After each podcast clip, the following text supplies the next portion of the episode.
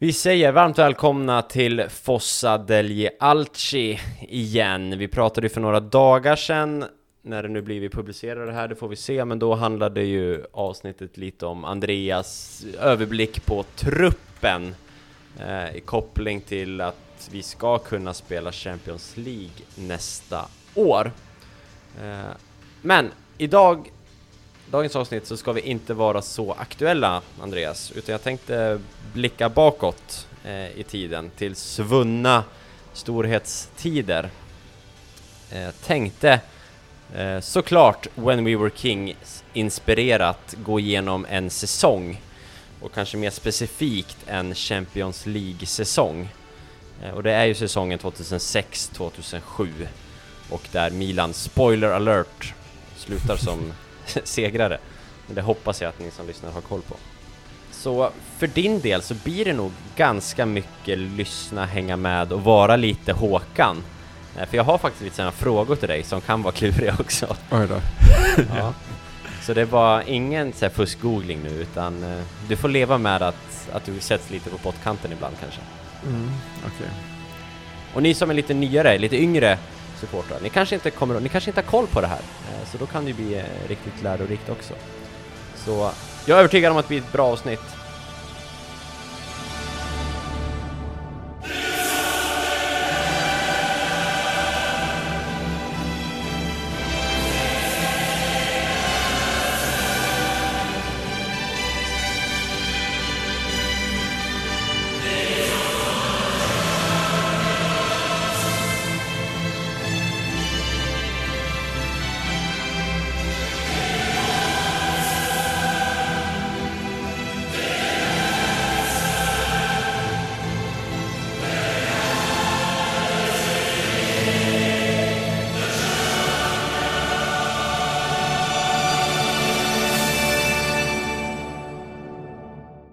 En stor anledning till att du och jag är Milan-supporter Andreas är ju krasst Silvio Berlusconi.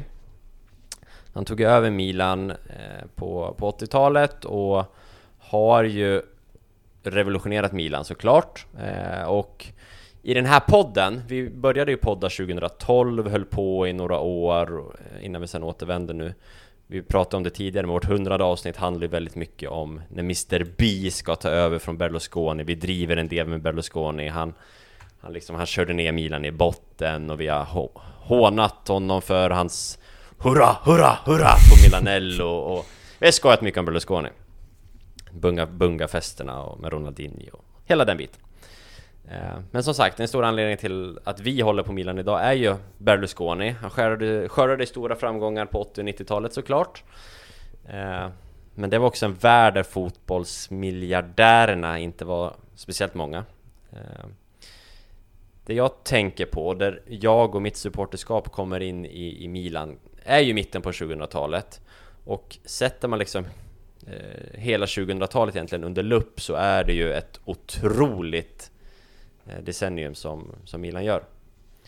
Eh, jag, jag tänkte bara liksom i all korthet repetera eh, det som Milan och Berlusconis Milan gör under de här tio åren. Eller framförallt i mitten av de här tio åren. I en tid där de här fotbollsmiljardärerna blev fler och fler. Abramovic kommer in i banan och så vidare. 2003 så vinner ju Milan Champions League för sjätte gången i Eh, klubbens historia, eller Champions League Europacupen. Och man gör det ju på ett helt otroligt sätt, eh, i alla fall i slutspelet. Eh, man slår ut Inter med en absolut, absolut minsta marginal eh, i två matcher i semifinalen.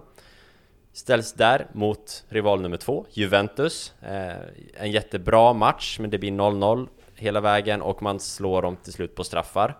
Eh, det enda sättet, alltså om eh, matcherna mot Inter var minsta möjliga marginal på två matcher är ju finalen minsta möjliga marginal på en match. Ehm, och Milan vinner där alltså Champions League. Ehm, frågan är om vägen till en sån till den stora bucklan kommer vara så fin igen för någon liksom klubb. 2004 eh, om man spolar igenom den säsongen snabbt så slutar det med att Milan lyfter eh, Scudetton eh, på San Siro. Jag tror man har Roma där i slutet eh, som en avgörande match. 2005 så har Milan enligt mig, ett av historiens absolut bästa lag, en av historiens absolut bästa startelvor. Eh, när man ju går som tåget i Champions League, eh, på väg mot finalen, man slår ut Barcelona, man slår ut Manchester United, man slår ut Inter och så får man PSV Eindhoven i, i semin. Skrällaget PSV Eindhoven som ska vara en mumsbit men som Milan nästan fuckar upp. Eh, men startelvarna i finalen som Milan har, jag vet inte, kan du den i huvudet? Eh, Milan startelva 05 mot Liverpool. Uh, nej, det blir det är ju Crespo, det är Shevchenko, Kaká, Ricosta va? Nej. Nej. Det kan det inte vara, det blir för många. Eh, varför börjar jag framifrån? Det blir extra svårt. Jag bara ser eh, eh Crespos mål framför mig när, som är så jäkla snyggt. Mm. eh, Maldini gör ju första målet. Eh, så jag utgår från att nästa kan det vara... Eh, eh, Vi har ju Gattuso Ambros, och, och vet det, Pirlo i alla fall på mittfältet. Sen är frågan om Cedar spelar där eller om det är Ambrosini. Det är Cedorf. Ja. Eh, jag ska hjälpa dig. I, I mål står såklart eh, Dida. Mm. Eh, backlinjen från höger, Cafu, mittbackarna Nesta och Stam.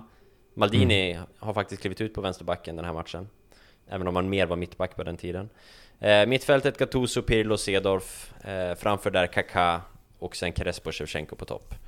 Det är ju kanske Dida undantaget, men typ de bästa på sin position i världen på alla positioner.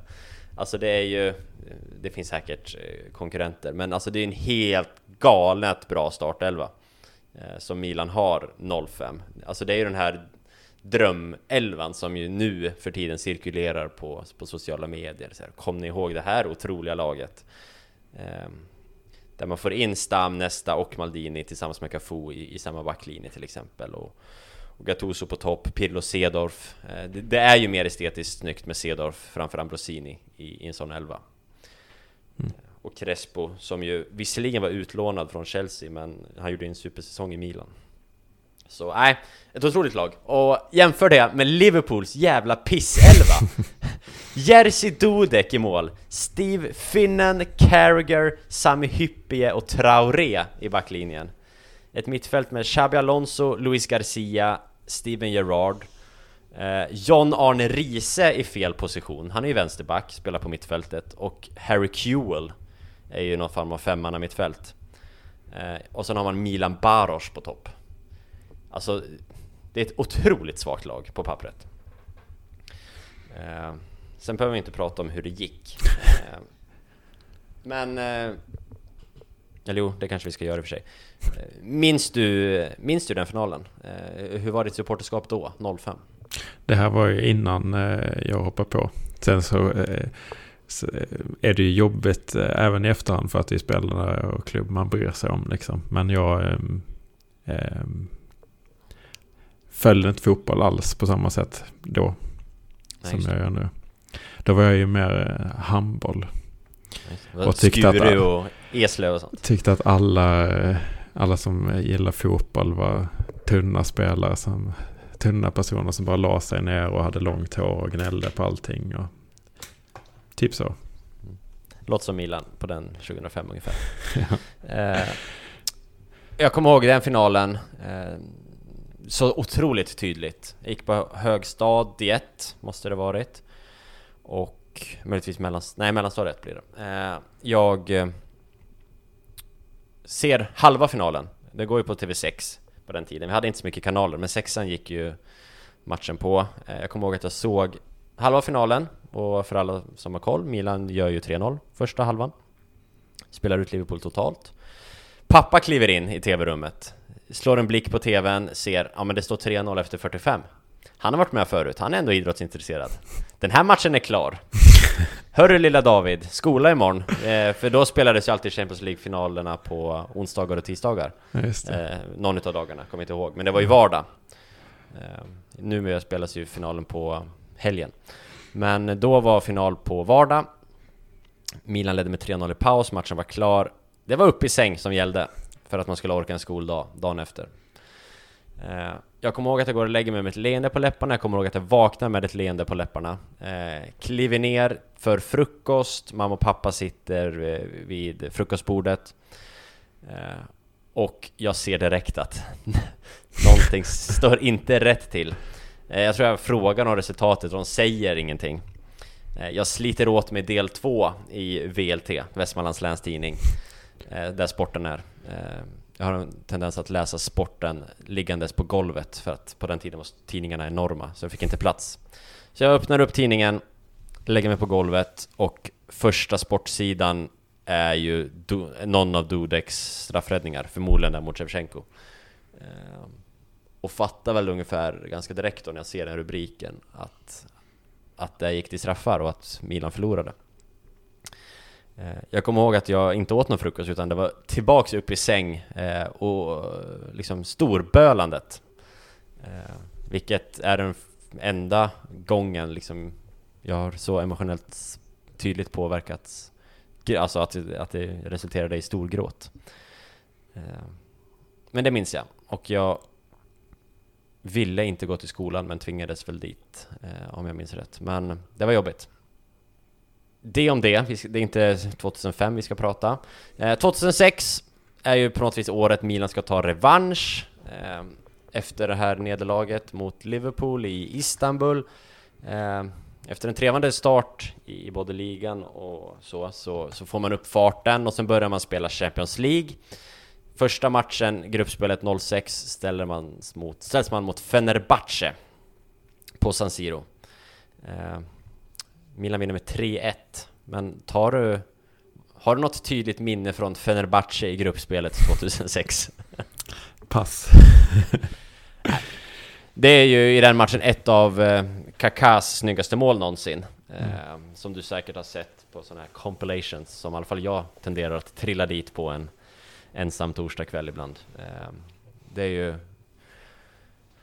Han fångar upp bollen mitt på plan någonstans, driver förbi, trycker sig förbi eh, och rullar in den under målvakten. Eh, och han brukar ju liksom fira med, att, med ett leende, fingrarna upp mot himlen och tacka Gud. Men här, efter det målet, så är alltså den ilska han kollar upp mot kurva sud, liksom rycker sig själv i tröjan och liksom skriker ut någon form av frustration. Eh, och där kom jag ihåg eh, att jag liksom kände att nu, nu är revanschtåget igång här. Och det gick ju nästan hela vägen. Eh, man utklassade Bayern München i åttondelen, man kom lätt förbi Lyon i en kvart. Men ryker ju i semi mot eh, ett av också världens bästa lag. Det är ju Ronald, eller Ronaldinhos Barcelona som börjar varva upp. Eh, och de kommer till final och vinner väl också finalen där. Så Mm, semi i Champions. 0-0 och 1-0 mot Barca.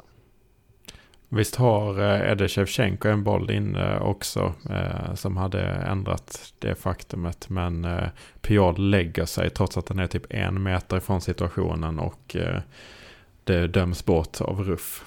Just det. På Camp Nova, så Milan klädd i vitt. Eh, och på något vis så påminner det, även fast situationen är inte lika, men Niang Mm, Sätter den i stolpen mot Barcelona drygt sju år senare, åtta år senare. Ehm. Vi, vi, vet inte, vi, det känns inte som att vi bygger upp peppen för Champions League som barn av alla misslyckanden. Men eh, det, det, ska man ju nämna i sammanhanget eh, när eh, man målar upp Milan tycker jag i, i Champions League i mitten där av 2000-talet, alltså 00-talet. Hur jäkla överlägsna man var. Eh, och åker ut med den här Piol-filmningen 2006. 2005 ska man också säga att Gerard filmar ju till sig den tredje straffen där till 3-3. Eh, Det är ju också ingen kontakt alls. Eh, Gattuso lurar ju honom liksom. Enda straff.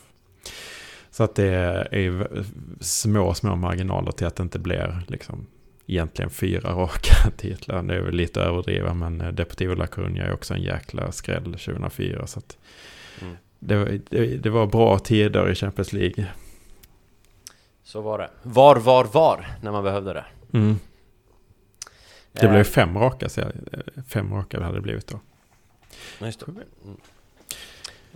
Uh, I ligan den här säsongen 06 så slutar man ju också, man gör en väldigt bra ligasäsong, även om man inte vinner. Eh, man kommer ju tvåa eh, ganska kort efter Juventus eh, innan det är dags för en VM-sommar i Tyskland med allt vad det innebär. Det vet vi hur det gick. Men innan vi går in på Champions League-säsongen 2007 så tänkte jag spela in dig här Andreas. För du ska inte bara få lyssna idag. Du ska också Nej. få lära lite. Eh, för det händer ju någonting, utöver att Italien vinner VM-guld, så händer ju saker och ting sommaren 2006. Det kan man ju eh, lugnt säga. Eh, den här eh, vägen till vägen till Champions League-final 2007 är ju rätt så... Eh, den är ju inte spikrak kan man ju inte eh, säga.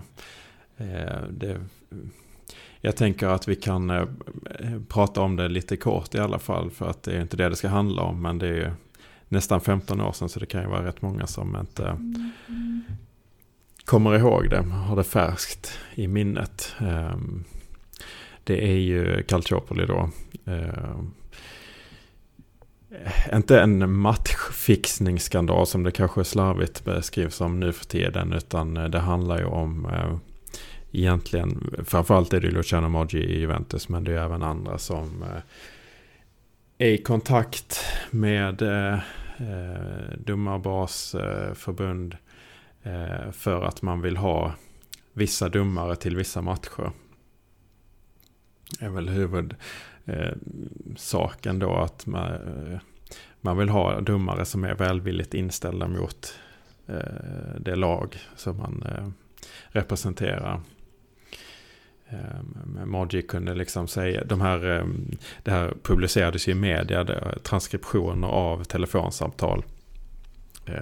Som olika baser då har gjort.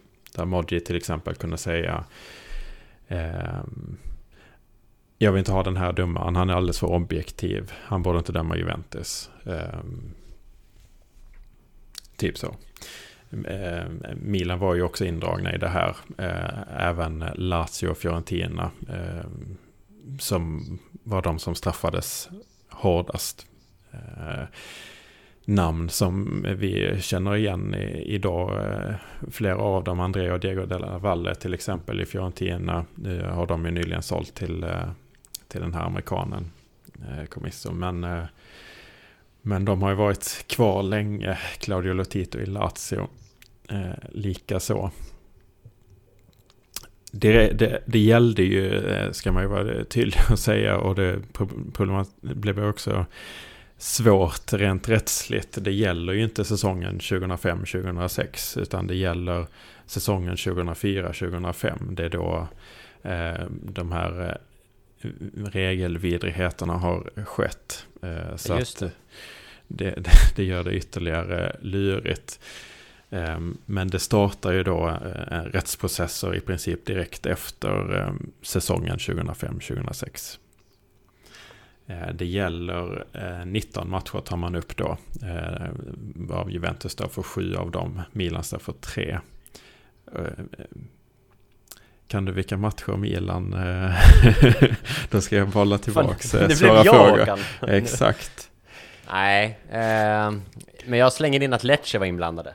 Ja, nej, det var de inte. Men det var tre bottenlag, så det är intressant i sig tycker jag. Brescia, Siena och eh, Kievo. Kievo var väl inget bottenlag för eh, de, de landar ju trots allt Champions League i många, efter många om och men där. Men, eh, men eh, det är intressant för Juventus hade ju flera toppmatcher eh, av de som då undersöktes där de hade påverkat domarvalet. Och, Medan Milan har de här tre bottenlagen eh, som man eh, känner till i alla fall. Och eh, dessutom resultatet i de här matcherna är en vinst, en oavgjord, en förlust. Eh, så det är också anmärkningsvärt.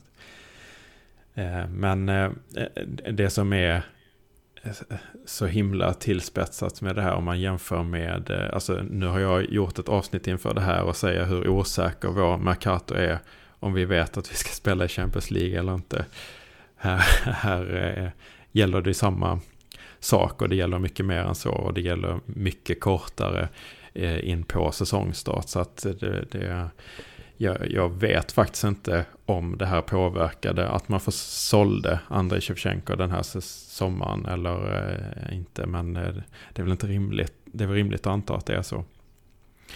Eh, för eh, eh, man kan ju hålla i, i huvudet datumet den 9 augusti för då spelar vi kval mot, eh, mot eh, Stella Rossa. Alltså Svena svesta, Röda Stjärnan. Mm. 9 augusti går kvalet till Champions League. Eh, 4 juli eh, är det första dum, eh, kommer den första domen i det här. Och då eh, döms de här fyra klubbarna till eh, degradering till Serie B. Juventus dessutom till Serie C. Eh, så att Lazio, Milan, eh, Fiorentina och Juventus kommer att falla ner i seriesystemet. Det är domen 4 juli, så det är en månad kvar till Champions League-kvalet där. Också flera domare som vi känner till efter många års Serie A-tittande. Ehm, vi har Gianluca Rocchi och Paolo eh, Tagliavento till exempel stängs av i fem år då, första domen. Allt detta överklagas givetvis eh, massa gånger eh, och det är ett nytt, ny instans som dömer 14 juli. Då ska Juventus, Fiorentina och Lazio skickas ner i, i Serie B. Milan får 44 minuspoäng den här säsongen 05-06. Eh, och det innebär alltså att man missar Champions League-plats, man missar också Uefa-cupen, eh, alltså eh, Europa Leagues företrädare. De här domarna som jag nämnde frias efter i den här instansen, så de bedöms vara oskyldiga. Och då är vi alltså i den 14 juli, nu ska vi se när nästa Eh, den eh, 25 juli så kommer då en eh, ny dom. Och då gäller det att Juventus skickas ner till Serie B med visst poängavdrag och allting sånt där. Det behöver vi inte snacka om. Fiorentina och Lazio får också 30 poängs avdrag precis som Milan får. Milan får då 30 poängs avdrag säsongen 2005-2006. 8 poängs avdrag 2006-2007, alltså den säsongen som ska börja. 100 000 euro i böter och eh, en eh, match utan publik. det är liksom, okej. Okay. Vad, eh, vilket ord de sa till domarbasen gav den där sista Eh, eh, bestraffningen.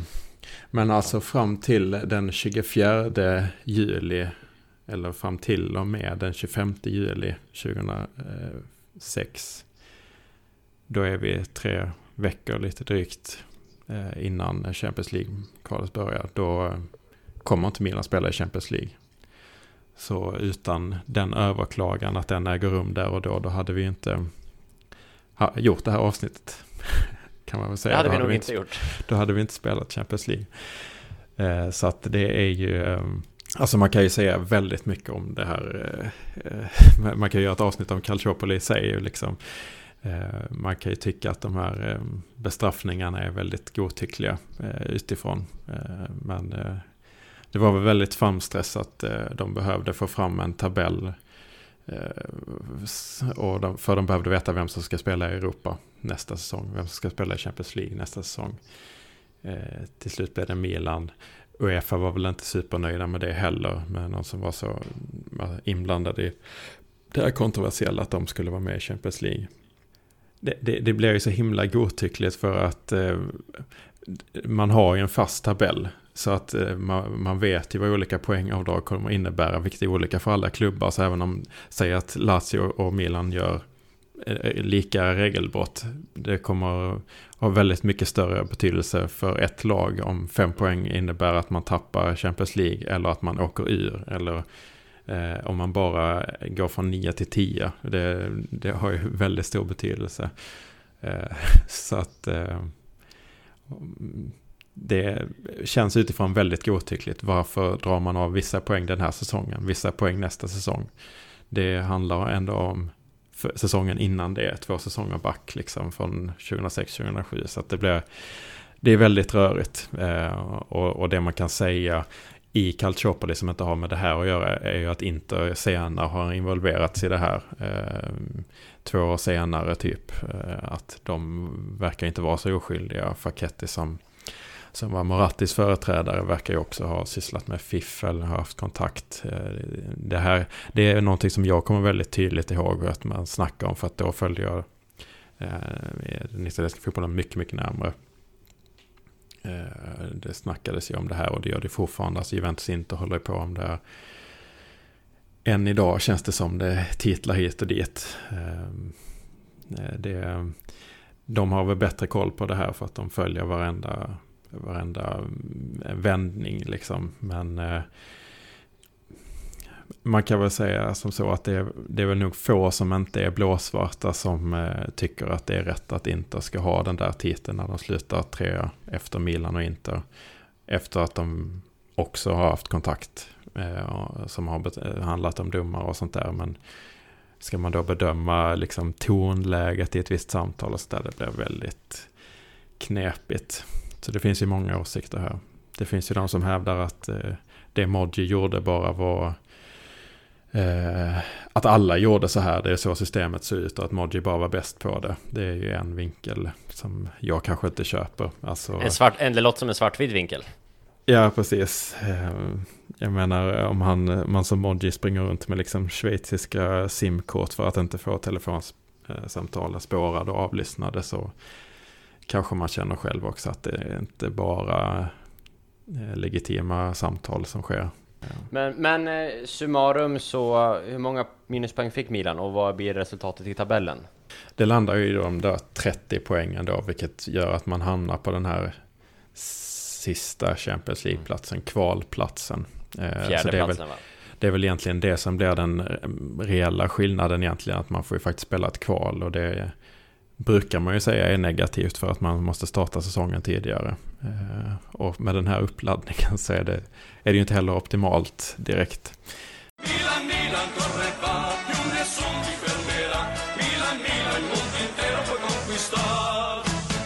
jag kommer ihåg, precis som jag mindes Champions League-finalen 05, så minns jag när jag fick beskedet att Milan faktiskt kommer få spela Champions League nästa säsong.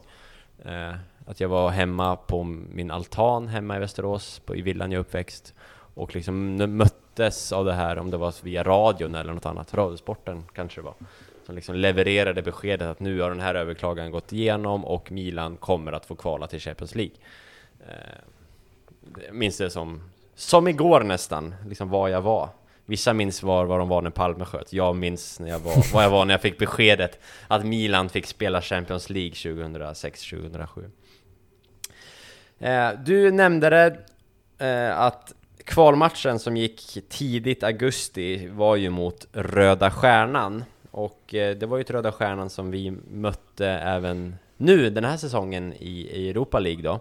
Och eh, om man minns den här säsongen så kommer man kanske ihåg att trots att det inte är någon supporter på läktaren så var det ju inte helt problemfritt i, i banderoller och budskap och Zlatan och Mandzukic utsattes väl för rasism ändå från typ VIP-läktarna eh, i Belgrad och så vidare liksom. Det var rätt mycket snack inför matchen eh, och det är ju på grund av att det finns en historia mellan de här klubbarna. Och det är ju inte från den här matchen primärt 06 utan det är väl snarare en match som, som Erik Niva pratade en hel del om i sin podd. Eh, matchen 1988 i dimman i Belgrad. Eh, som är i, i Europa då. Eh, en viktigare match där, eller viktigare, men en, en slutspelsmatch i alla fall, där Milan är på väg att åka ut, eh, men efter en kvart in i den matchen i Belgrad så blir det så dimmigt att domaren pausar matchen och skjuter upp den och ska spelas dagen efter istället. Eh, vilket gör att Rud Schullit, som ju var väldigt tveksam, satt på bänken, gjorde han väl. Nej, han kanske startade, men var liksom urslag. Får Få 24 timmar till på sig att försöka återhämta sig och det hjälper honom och han är i mycket bättre slag då och presterar mycket bättre. Eh, Röda Stjärnans supportrarna hävdar ju att, att de hade kunnat spela den matchen trots dimman. Eh, men så blev inte fallet och sen dess så är det väl infekterat mellan Röda Stjärnan och Milan. Men tillbaks till 2006, eller fram till 2006. Eh, tidig, alltså Milan får ingen försäsong, eller de får sin försäsong avbruten. Eh, många italienare har spelat VM hela sommaren, så liksom de har ingen semester i princip. Så det är ju inte ett, den starkaste elvan som Milan sätter på planen i första matchen på San Siro. Men trots det så kan Milan dominera ett relativt svagt Röda Stjärnan. Eh, Inzaghi ger Milan-ledningen 20 minuter in i matchen, 1-0 och det blir också slutresultatet i första matchen eh, i Milano. I returen så kommer Milan, det är inte coronatider får vi komma ihåg, så då är det där en arena i Belgrad som ju kallas Maracana som är fullsmetad deluxe. Alltså, det är maxkapacitet, sen är det säkert 50% till inne på den där arenan då. Tifot är tydligt. På, på hela, liksom, en hel kurva. Du har pratat tidigare Andreas om att du gillar mosaiken som Milan hade i Coppa Italia-finalen va? Eh, mot Juventus. Där du själv var på plats någon gång. Det var liksom en hel kurva mosaik på eh, Olympicos runda läktare liksom. Uh, ungefär liknande hade Röda Stjärnan-supportrarna. Uh, alltså samma tänk. Uh, där det står Uefa Mafioso på en hel liksom kurva. Gissar att det är både en blinkning till dimman i Belgrad men också till det faktumet att Milan Ja, i och för sig, nej det är nog mest i Belgrad, dimman, för det är ju inte Uefa som tar beslut om att Milan får spela Champions. Hur som. Eh, matchen då, ja, det går bra. Alltså Milan klarar ut det här. Eh, Inzaghi nickar in 1-0, så han har gjort liksom de två första målen och eh, när Röda Stjärnan trycker på så gör Cedorf 2-0. Och där är ju avancemanget eh, till Champions League klart, även om Röda Stjärnan reducerar i slutet. Efter att Billy Costa Curta av alla människor på jordklotet slarvar rejält. Men 2-1 eh, i Belgrad, Milan vidare totalt 3-1 och Champions League är ett faktum. Man går in, föga förvånande, toppsidade in i Champions. Kaka, il pallone per Cafu che lascia scorrere, c'è Inzaghi al centro, ecco la palla per lui, Pippo Inzaghi, ancora Inzaghi, 1-0! Ett gruppspel eh, på den tiden när Milan var toppsidat. Då kunde motståndarna låta och se ut ungefär så här. Eh, Milan hade i gruppen AIK, Aten, Anderlecht och Lille. Eh, hade Milan hamnat i en sån grupp idag så hade ju det varit guld. Eh, det hade varit en smålurig grupp i Europa League, ungefär. Eh, vi hade ju Lille nu som var svåra, obviously, men Ja, AIK Aten, Lille och Anderlecht eh, 2006 är ju en drömlottning för Milan såklart. Första matchen på hemmaplan, San Siro. Eh, AIK Aten står för motståndet. Eh, Milan vinner tämligen enkelt, 3-0, det är inte den bästa elvan då heller. Men en stjärna är på väg, trodde många då i alla fall, att presentera sig när Johan Kurkuf nickar in ett mål i sin andra match i, i klubben. Kurkuf är en spelare som Milan har värvat in här under sommaren. En av Frankrikes absolut största talanger. Eh, övriga två baljor gjordes av Inzaghi och eh, Kaká. Och där har vi också Kakas första mål eh, den här eh, säsongen. Inte det sista kan jag skvallra om. Sen är det dags för Lill, som sagt ett Lill som Milan bevisligen har haft svårt för i år. Det hade man också 2006. 0-0 får man med sig i Frankrike.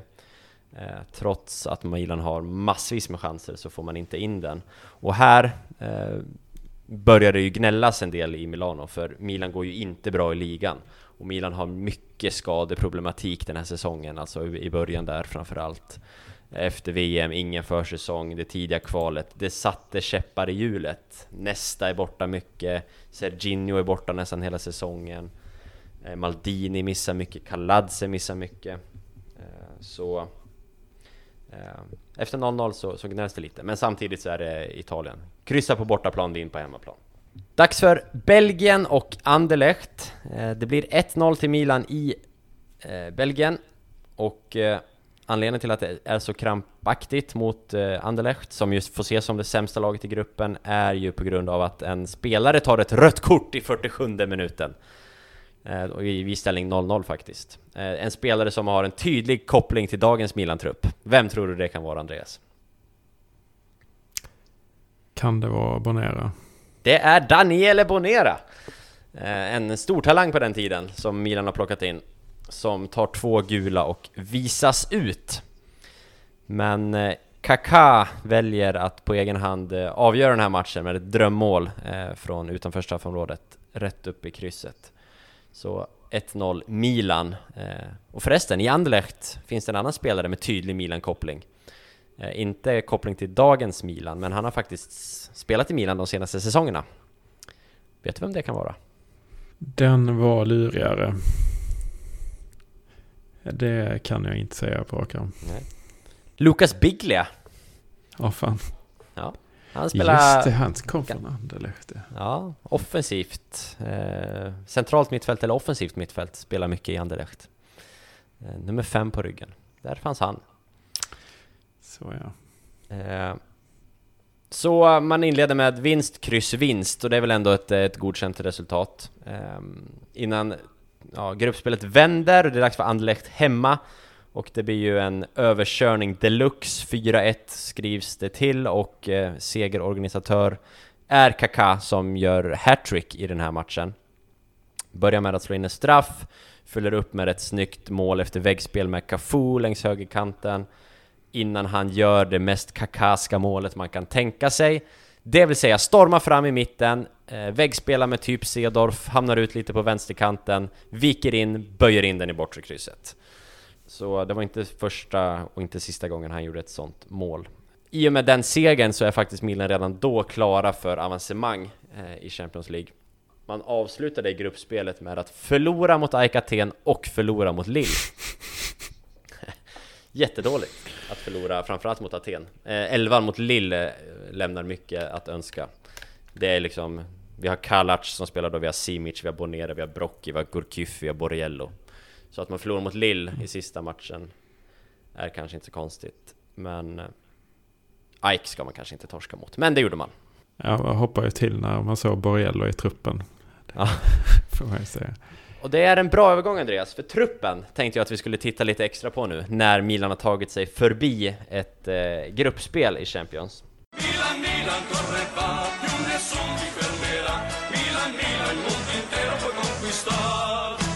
Målvakter i den här truppen eh, så har vi ju Nelson Dida såklart, som är en given etta eh, men som under den här säsongen i framförallt ligan levererat ett par riktigt svaga insatser alltså. Så han ifrågasätts faktiskt att han, att, att han ska bänkas. Han har en del skadeproblem också, men det är många supportrar som skriker på bänkningen. Eh, och reservvalet eh, är ju kylskåpet från Australien, Slejko Kalac. som ju ska göra sitt avtryck i Champions League ett par år senare. Det är alltså Australiens längsta fotbollsspelare genom tiderna.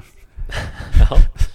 ja, jag läste så här, svenska fans har varit en guldkälla under min research här, för de har ju fått lite så, inte bara faktan utan liksom inför rapporter, de har varit jättebra, de ligger kvar i arkivet. En slutsats efter någon, eh, om det är något mot Ike eller mot Lille eller något när Kalac spelar så, så. Ja, och Kalac ingav inte ett speciellt bra förtroende men jävla vad han är lång! det är bara ja. den slutsatsen. Ehm, har du förresten koll på, och jag ska säga att det tredje valet är eh, Storari. Eh, som mm. ju kom tillbaks till Milan senare. Ehm, har du koll lite på vad, på Dida, vad han gör idag? Målvaktstränare i Milan va? Ja, stämmer. Han är tillbaks i Milan. Eh, spelade ju ganska länge och sen hade han uppehåll på några år och var lite representant så, men eh, ja, är ju första målvaktstränare. Tog ju över mm. efter Fiori, som faktiskt är fjärde målvakt i den här truppen också. Mm. Tror inte han är med i CL-truppen, men eh, i ligatruppen finns han registrerad.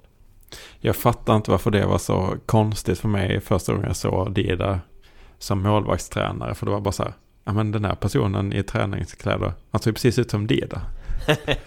ja men det är då. Det är superrimligt. Alltså vi har bara gamla spelare till allt. Varför skulle det inte vara det? Ja. Han har inte riktigt en tränaraura tycker jag. Nej. Backlinjen, eller försvarsspelarna, eh, finns såklart legendarer. Maldini, Nesta, Costa Curta eh, finner vi.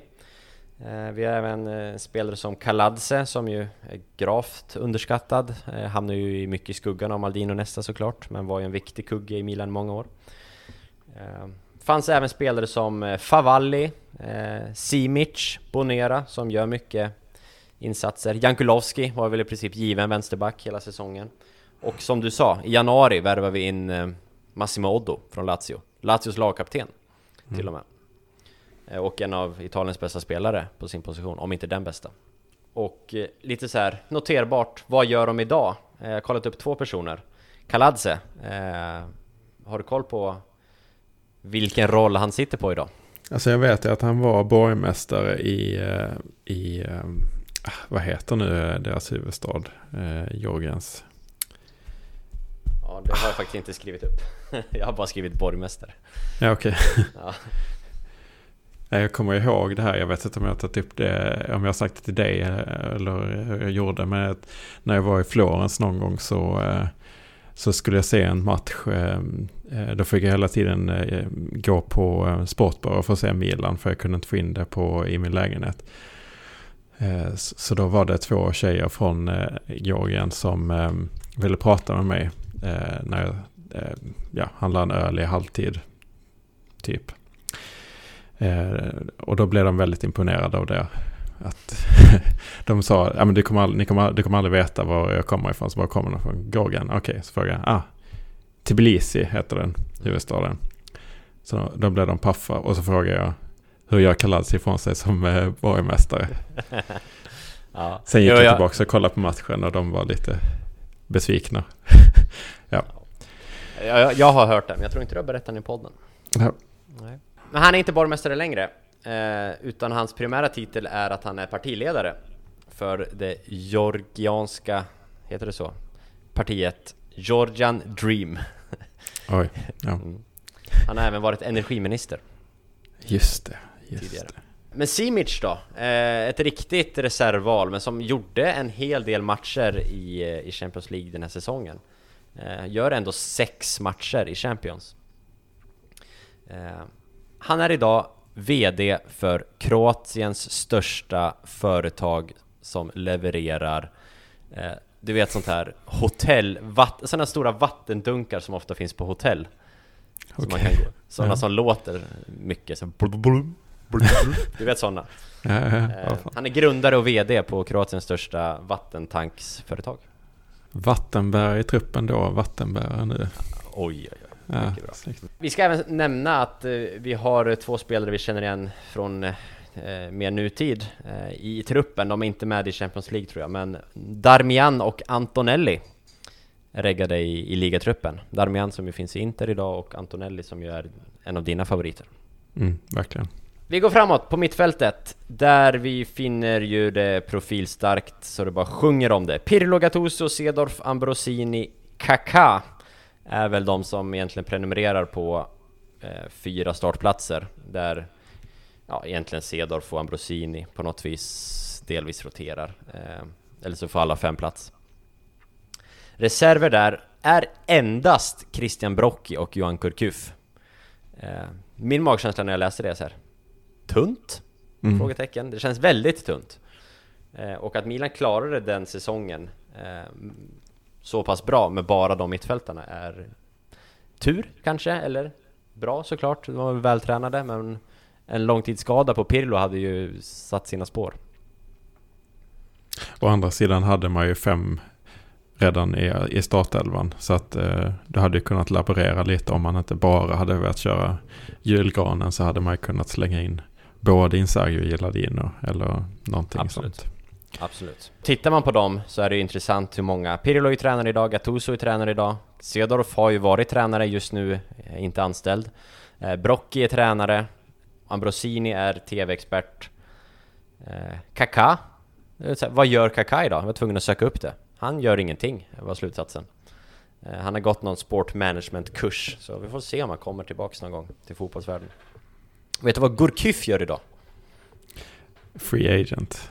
Han är free agent. Han spelar fortfarande, eh, fast han har ingen klubb. 34 år har han hunnit bli, supertalangen. Sen kommer vi till anfallet och eh, du nämnde dem ju, eh, de stora eh, profilerna. Det är ju Filippo Inzaghi och Alberto Gilardino som båda var med i VM-truppen. Utöver de två så finns ju Borriello nämnd, men det finns även Ricardo Oliveira som ju värvas in för att ersätta Shevchenko. Eh, gör ju i princip inget avtryck alls ifrån sig i Milan och framförallt inte i Champions League. Han gör väl några enstaka ligamål. Men eh, kommer du ihåg en anledning till att Oliveira hade det så tufft i Milan? En så tydlig orsak som ändå går att förklara hans flopp med. Så jag, jag, känner ju så mycket igen det men jag, jag kommer inte på vad det är i stunden. Hans syster blev kidnappad i oktober. Eh, och var borta så. fram till våren någon gång. Eh, och det kan man ju kanske köpa att det sätter sina spår på oss en människa. Ja, det är helt bisarrt ja. Och under januari ska vi säga så värvar Milan in en viss Ronaldo eh, till truppen. Men eftersom han har spelat Champions med Real Madrid så får ju inte han spela europeisk fotboll med Milan. Så han är ju inte med alls i Champions League, men han bidrar ju till konkurrens eh, i ligaspelet. Detta eftersom Inzaghi är, eller en anledning är det ju, men Inzaghi är jättedålig i ligan den här säsongen. Han gör två ligamål säsongen 06-07, Filippo Inzaghi. Fattar du hur dåligt det är att vara Inzaghi? ja, det är det. Han gör desto fler Champions. Det gör han ju. Uh, han gör färre mål i ligan än vad Ricardo Oliveira gör, till exempel. Mm. Uh, så ja, det är intressant. Uh, och vad gör de idag? Inzaghi coach, Gilardino är coach. Uh, Borriello har precis slutat efter en sista session på Ibiza. vet du vad Oliveira gör? Eh, nej, det vet jag inte. Han spelar fortfarande, Ricardo Oliveira. Oj, oj. Han är 40 år, eh, så Zlatan, släng dig i väggen. Ricardo mm. Oliveira presterar och gör mål i brasilianska Serie B. Så han har hållit igång hela tiden i brasiliansk fotboll de senaste åren. Gick ju från Milan till Real Zaragoza och bildade ett superanfallspar med Diego Milito. Ja, det var egentligen truppen. Eh, liksom startelvan, eh, om man får se en sån under en skadeskjuten säsong, är väl ändå Dida i mål, Eh, Cafu på högerbacken under första halvåret, Oddo under andra halvåret tillsammans med nästa Maldini i mitten och Jankulovski till vänster. Mittfält med Gattuso, Pirlo, Ambrosini, där framför Kaká, Cedorf och längst fram Inzaghi eller Gilardino. De byttes ju av väldigt mycket. Eh, så spelade man i Champions med julgransformationen. I ligan så spelar man nästan två anfallare hela tiden. Eh, så det var väldigt tydligt formationsskifte så fort det vankades Europa. Eh, vilket inte jag, mig veterligen, är speciellt vanlig övning längre. Att man, liksom, man har två system, man har ligasystemet och Europasystemet. Utan tränare brukar jobba på ett och samma sätt. Ja, verkligen. Eh, men det känns ju som att eh, Champions League var rätt så tydligt fokus. Det kanske var bra för Europa eller till och med väldigt troligt att man hade de här minus åtta från början för att det var ju i princip ligan titeln för långt bort. Eh, även om det inte fanns något Juventus så åtta poäng upp till, till Inter till exempel redan från start. Mm. Nästan omöjligt. Eh, så att då kan man köra fullt fokus på Champions League.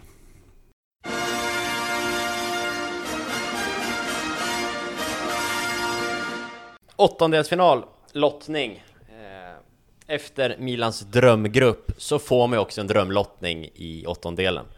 Det är Celtic som står för motståndet. Ett Celtic som några år senare skulle slås av Malmö FF, tänkte jag säga. Eh, som väl slog Celtic, väl? Absolut. Ja, Men å andra sidan var ju, var ju Malmö högre rankade än, än Milan då i Europa. Eh, Europa-koefficienten, så att det är inte så konstigt kanske inte. Eh, men på den här tiden så var man definitivt inte det. Milan får Celtic och det är ett Celtic som är bättre då än vad de var idag, eller även när de mötte Malmö FF. Men det är ju inte heller ett, ett prime Celtic med Henke Larsson och så vidare, utan det är ett, det är ett relativt svagt Celtic eh, som Milan ju är dunderfavoriter mot.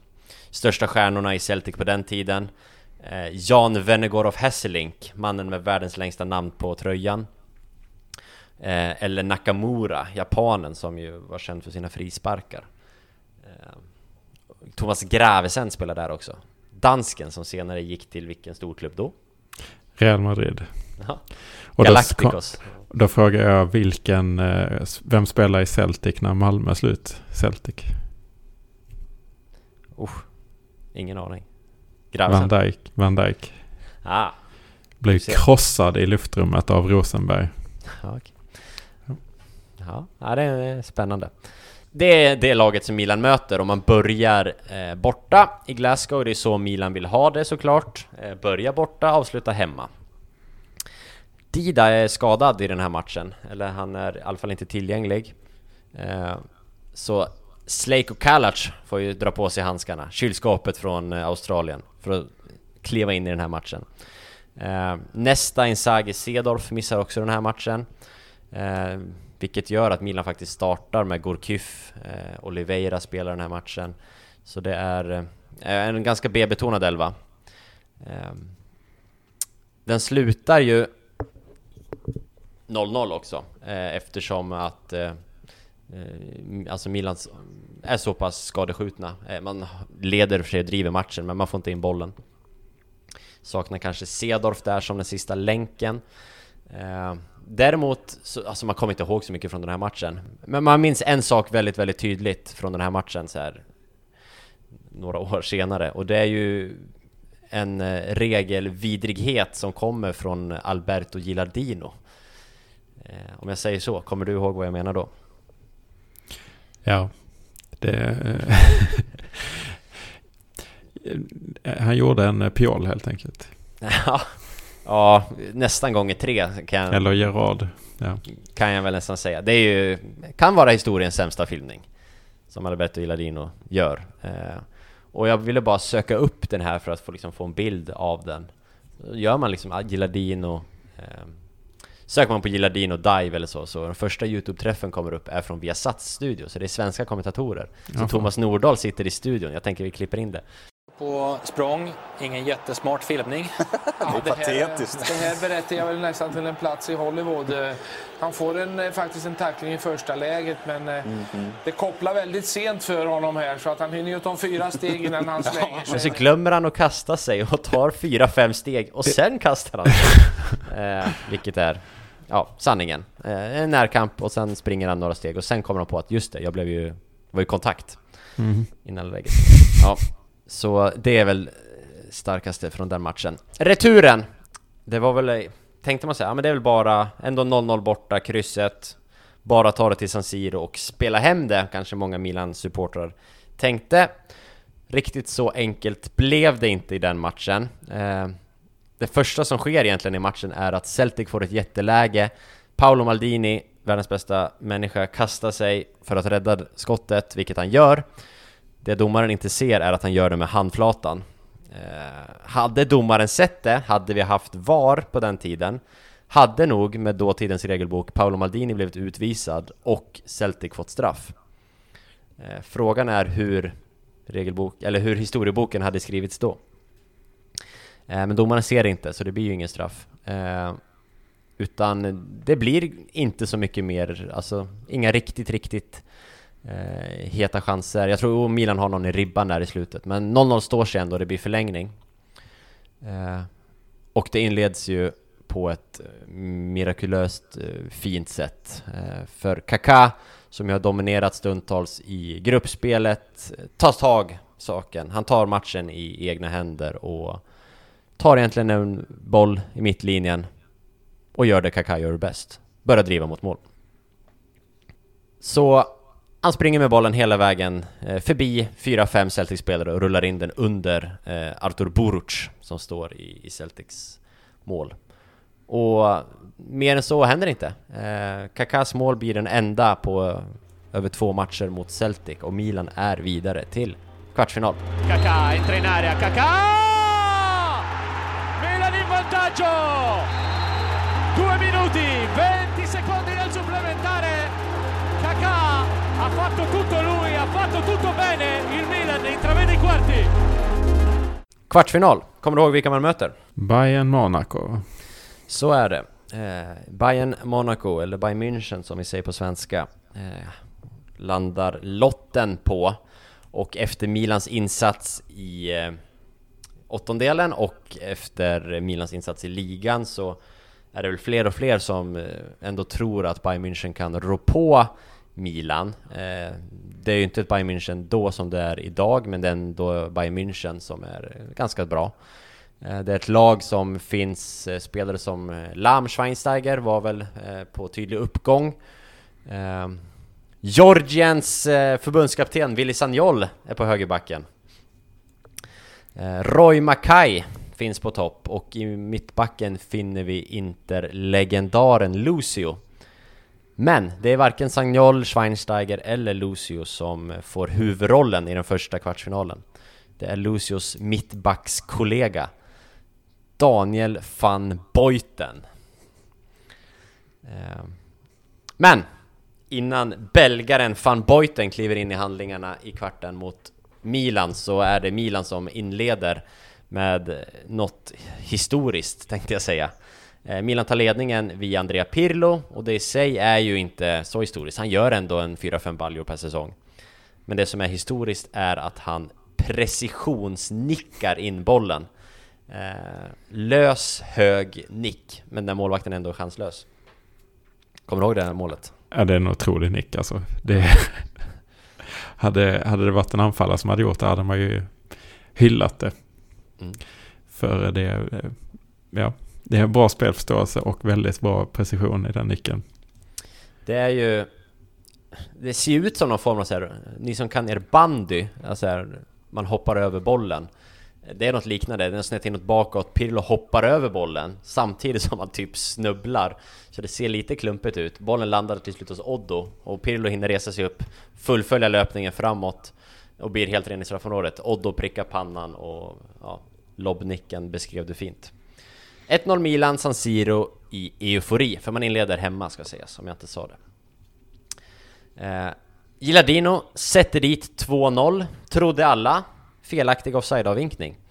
Eh, och när istället då van Boyten gör 1-1 efter en fast situation och firar på Icardi-maner med att sätta händerna bakom öronen och titta upp mot kurvan så eh, väcks ett rejält eh, hat mot mig, mot van Boyten. Jag, jag minns det tydligt som en så här första eh, hat eh, på samma sätt som jag på senare år har hatat Chiellini, Lichsteiner och Bonucci så där och då kommer jag ihåg att jag hade ett, jag kände ett äckel mot van Boyten eh, för hans, eh, framförallt hur han firade. Alltså han var okarismatisk och ful i, i sitt spel. Mm. Eh, domaren kompenserar eh, kanske det avvinkade offside-målet för Milan får en straff som jag eh, efter några repriser tycker är felaktig. Det är Lucio som glidtacklar boll och Kaká, men eh, det blir straff och Kaká sätter den. Men!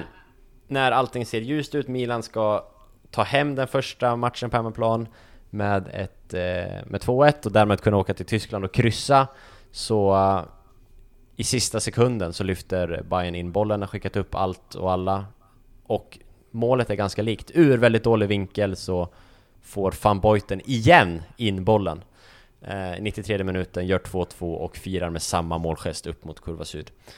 Eh, så 2-2 Milan i brygga ändå eh, inför eh, returen.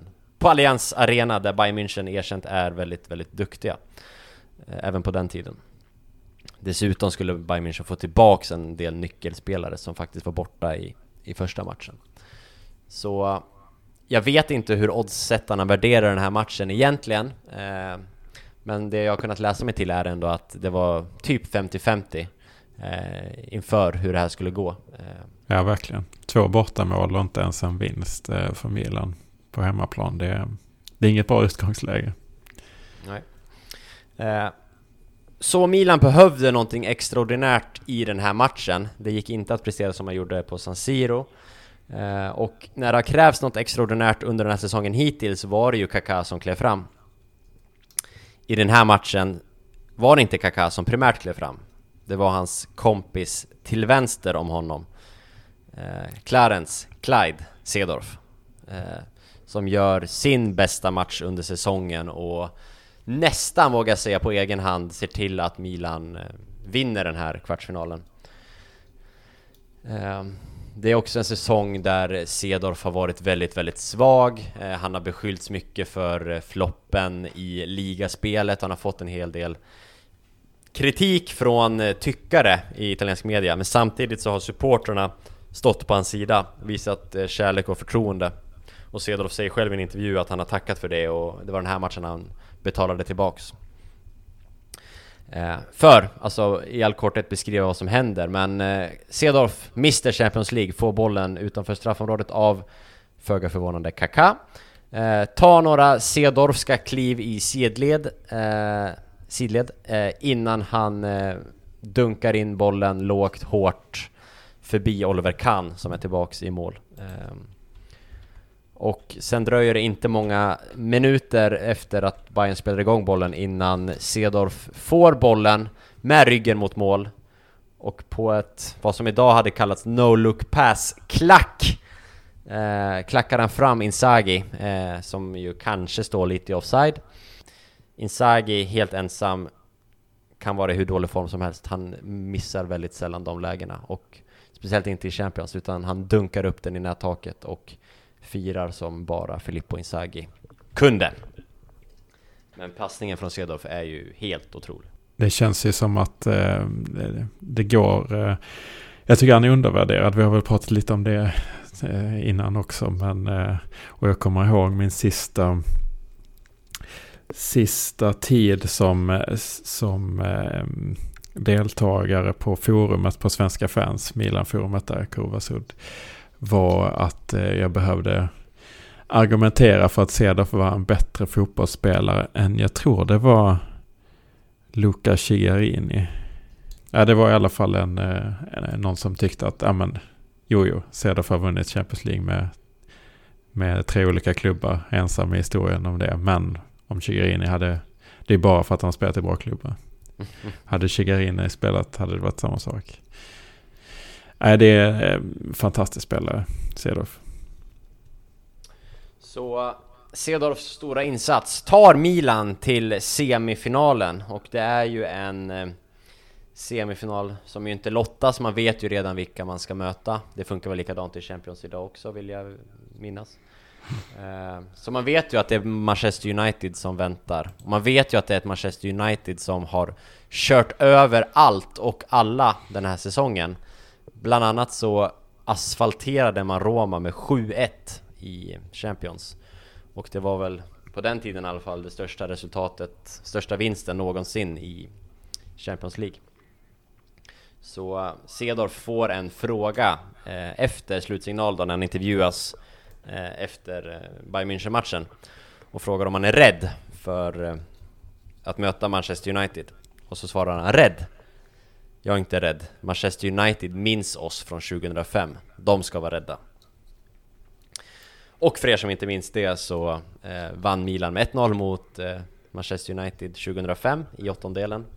Visserligen bara med 1-0 på San Siro, men eh, det var en, en av de bästa matcherna eh, Milan har gjort på rent prestationsmässigt och man körde över United totalt.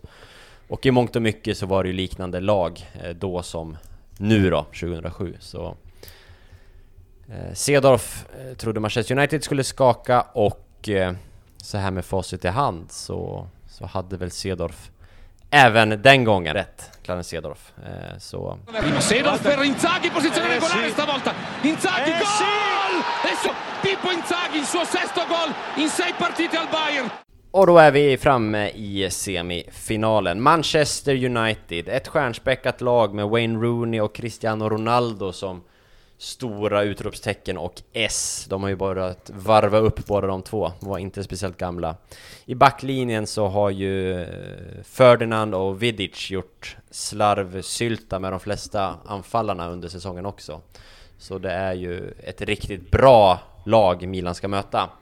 Men eh, första matchen på Old Trafford så saknar United eh, både Vidic och Ferdinand. Eh, även ett av de första valen, Silvestre, eh, saknas. Så United har en rejält skadeskjuten backlinje. Så den ser ut enligt följande, från, hö eller från vänster så har vi Evra som var, alltså han spelade skadad i princip. Eh, med O'Shea, West Brown i mitten, nej förlåt, Heinz och West Brown i mitten, Gabriel Heinz och ute till höger John O'Shea. Så det är ju riktiga sådana här eh, reserv, Det är som att Milan skulle spela med Simic, Favalli, Bonera typ. Eh, och Jankulowski, ungefär så. Men matchen då, Paul Trafford, så börjar den på bästa United-maner. Eh, Cristiano Ronaldo på uppgång som sagt, börjar efter fem minuter med att utnyttja eh, ett misstag från eh, Dida. Alltså, jag var inne på det, Nelson Dida var inte stabil den här säsongen.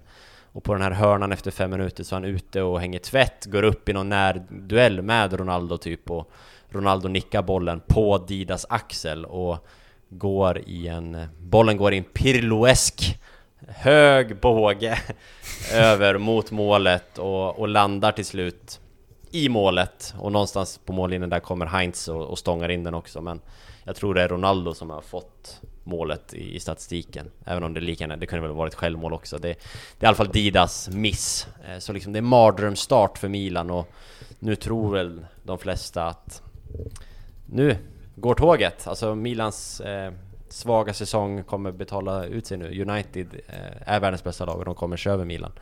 1-0 Ronaldo, den kommande superstjärnan. Men! Som så många gånger förr eh, under den här säsongen kliver han då fram. Ricardo Kaká.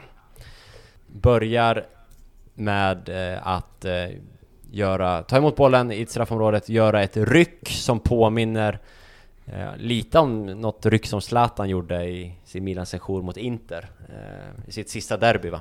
Han rycker till rejält i straffområdet, får med sig bollen och lägger in den. Så då är det kvitterat. Innan vi kommer till eh, ett av de galnaste målen jag någonsin har, sett. Och jag har ett sånt tydligt minne av, det här målet och den livesändningen. Ja, det eh, måste ju vara det mest eh, historiska mål som, men, som i alla fall blir som man inte ser hela av för att det kommer direkt efter en repris. Precis, det är det här jag tänker på också. Mm. Det är ju det, det, första tanken. Sen är det ju helt bisarrt vad Evra har i huvudet när han eh, tågar in för full maskin in i en mittbackskollega eller i en backkollega. Men, men det är väl just eh, det första man tänker på är det här att det kommer direkt efter en repris. Så att man ser aldrig målet live så att säga. Nej. Nej, exakt så. Eh, om jag minns rätt så klipper bildproducenten liksom in och de bryter någon repris och sen är typ Kaka fri och sen ligger den i mål. Och man mm, fattar exakt. ingenting liksom. Är det här en del av repriser? Vad hände liksom? Och kommentatorerna är obviously inte på plats, de svenska i alla fall. Mm. För de hänger inte heller med, utan de har samma tv-bilder. Så helt plötsligt ligger den i nät. Men det reprisen visar är ju helt galet. Eh, mm. Det är en utspark från Dida. Eh, Kaká ensam mot två, tre United-försvarare. Eh, de två han kommer mot i slutet är ju Heinz och Evra. Och som du säger, Evra stöt bryter rejält. Kaká nickar bollen emellan Heinz och Evra. Evra kör över Heinz. Båda ramlar. Eh, Kaká kommer ensam med van de Sar och rullar enkelt in den. Ja, det, det är oerhört speciellt mål. Alltså den sinnesnärvaron av Kaká att eh, direkt bara uppfatta och nicka den så snabbt och sen dra tillbaka huvudet. Alltså det är så ovanlig situation. Alltså vad gör Evra? Han går ju inte in för någon tackling eller någonting sånt utan han bara kastar sig. Han alltså det, springa in det, i bollen typ. Det är helt bisarrt gjort. Eh, så att han har den sinnesnärvaron att nicka den fram förbi snabbt och sen låta honom springa in i, vem är det, eh, sa du, som, eh, som man springer in i? Gabriel. Det är Heinz. Mm. Eh, och sen, alltså hade han varit lite långsam med att dra tillbaka huvudet, alltså hade han, hade Evra sprungit rakt in i hans framsträckta nacke, alltså det hade ju varit... Eh, Tack och godnatt. Ja, typ eh, förlamning nästan. Nej, men alltså det är... Eh, det är eh, få mål som man minns eh, vad som är lika um, ikoniska som det här i Milan-tröjan. Och där och då så vänds ju matchen väldigt snabbt och Milan är helt plötsligt eh, i jättebra läge. Två mål på bortaplan eh, är ju guld och nu ska ju bara Milan hålla ut det här och få med sig ett bra resultat till hemmamatchen. Men då kliver Wayne Rooney, eh, den andra superstjärnan, in i handlingen. Kvitterar eh, 2-2 mitten på andra halvlek, för Kakas båda mål sker i första halvlek ska sägas. Rooney kvitterar 2-2 eh, och på tilläggstid så får han en, en djupledsboll från, om det är Giggs. Eh, utkanten av straffområdet till höger, Rooney är ju högerfotad, får bollen på höger fot och drar till. Skjuter visserligen hårt, det var han känd för, Men det är ju första stolpen. Eh, det är ju ett stort frågetecken för Nelson Didas agerande. Och jag vet att jag, om vi ska koppla det till 2020 eller 2021 igen var det väl till och med, så, så pratar vi om Lukakos mål eh, senast mot, in, eller mot Milan när han skjuter med vänstern på första stolpen. Eh, ganska liknande på något vis. Eh, skillnad att Rooney serverar och skjuter direkt, men eh, ungefär samma position, Rooney några meter bort. Men eh, då, för då sa jag att ja, men det finns inte lika tydligt längre att målvakten ska alltid ta första stolpen. Men i det här, i det här fallet vill jag säga att Dida ska ha första stolpen. För det är lite annorlunda situation eh, mot hur det om man jämför med Lukakus mål exempelvis. Så nej, Dida gör inte en bra match och kostar ju Milan eh, poängen här, eller krysset i alla fall, att ta med sig till San Siro. Men ändå två mål på bortaplan. Eh, vill minnas att Milan inte är helt missnöjda med det, trots allt.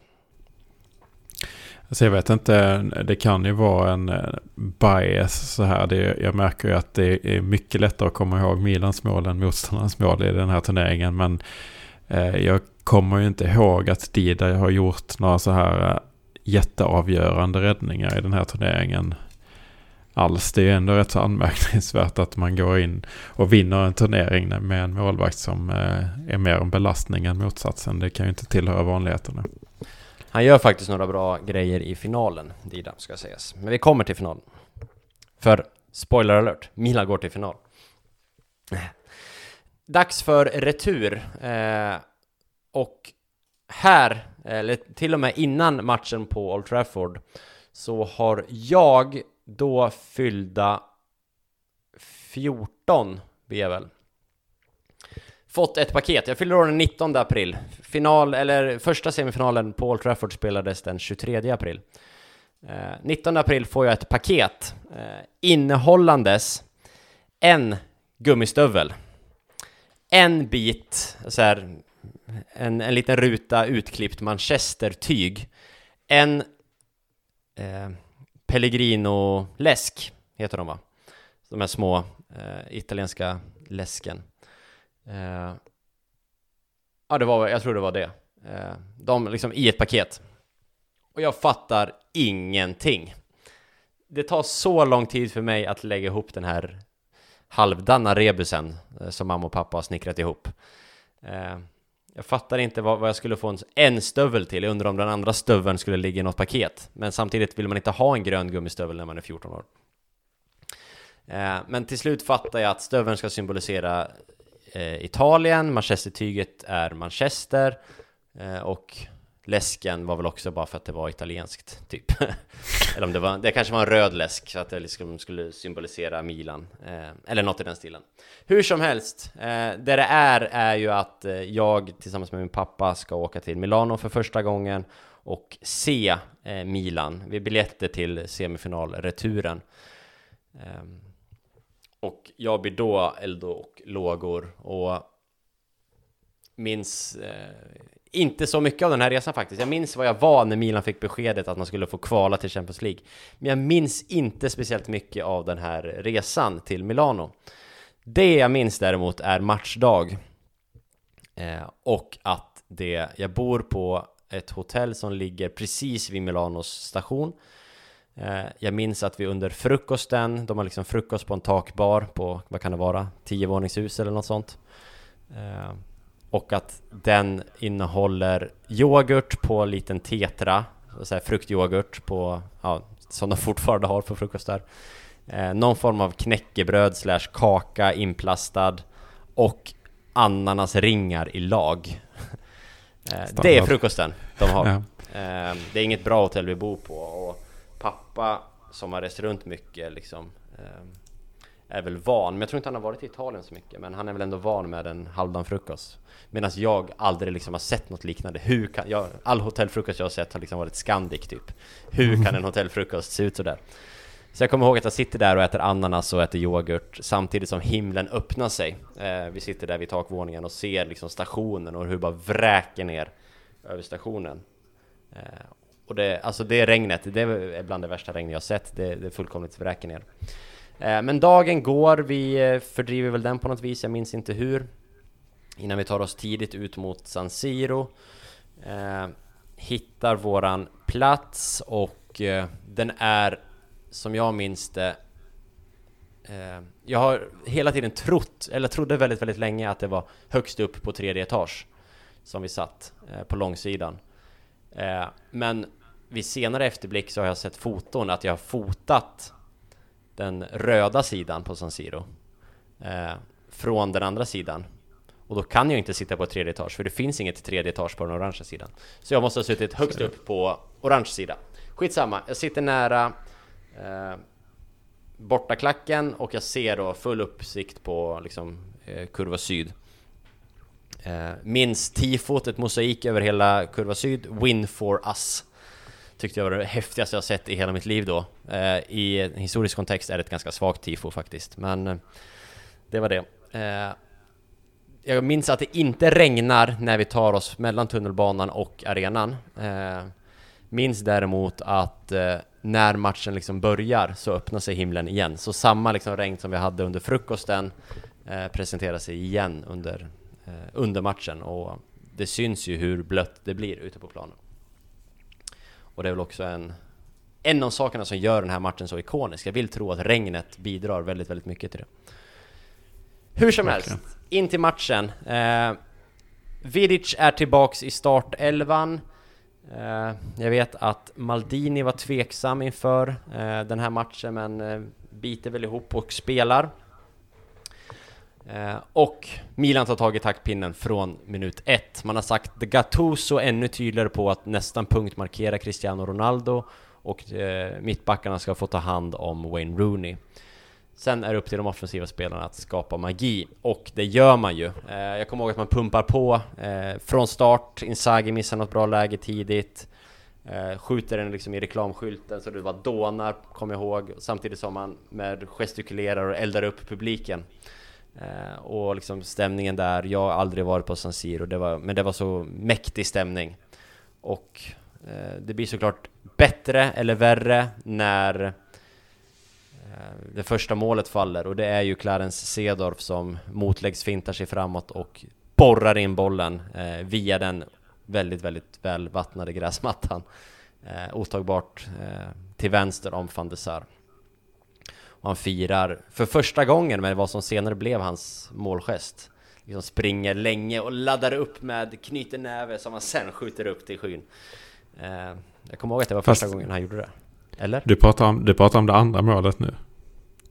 Var det Kakas först? Kakas är först. Ah. Det här, det, är, det är spännande, för det här är det enda, jag har skrivit varenda jävla match på den här säsongen. Den här har jag inte skrivit på, för att jag tänkte den här kan jag utan till. Ja. Men... Ja, det här, ehm, jag, jag, har inte sett den på plats. men, eh, men eh, däremot såg jag den för några dagar sedan. Det hade jag i och för sig inte behövt göra för att just komma ihåg Kakas första mål. För att det finns nog inget som är mer ikoniskt för mig och även eh, kommentatorslingan från, från eh, det italienska där som jag sett så hur många gånger som helst. Eh, verkligen. Och då är det Attenzione all'inserimento di Sedorf. Gira di, gira di testa per Kakà. Partitiro. Rete, rete, rete, rete. Il Milan i vantaggio. Ancora lui, l'extraterrestre. Kakà. Och då säger man då alltså att Milan tar ledningen. okay. Nej, det, det är spännande att jag på något vis mixar upp de här målen. Men låt så vara. Eh, det stämmer. Cedorf eh, gör 2-0. 1-0 kommer från Kaká och det är ju Cedorf som nickar fram den i också en genialisk assist från Clarence Cedorf.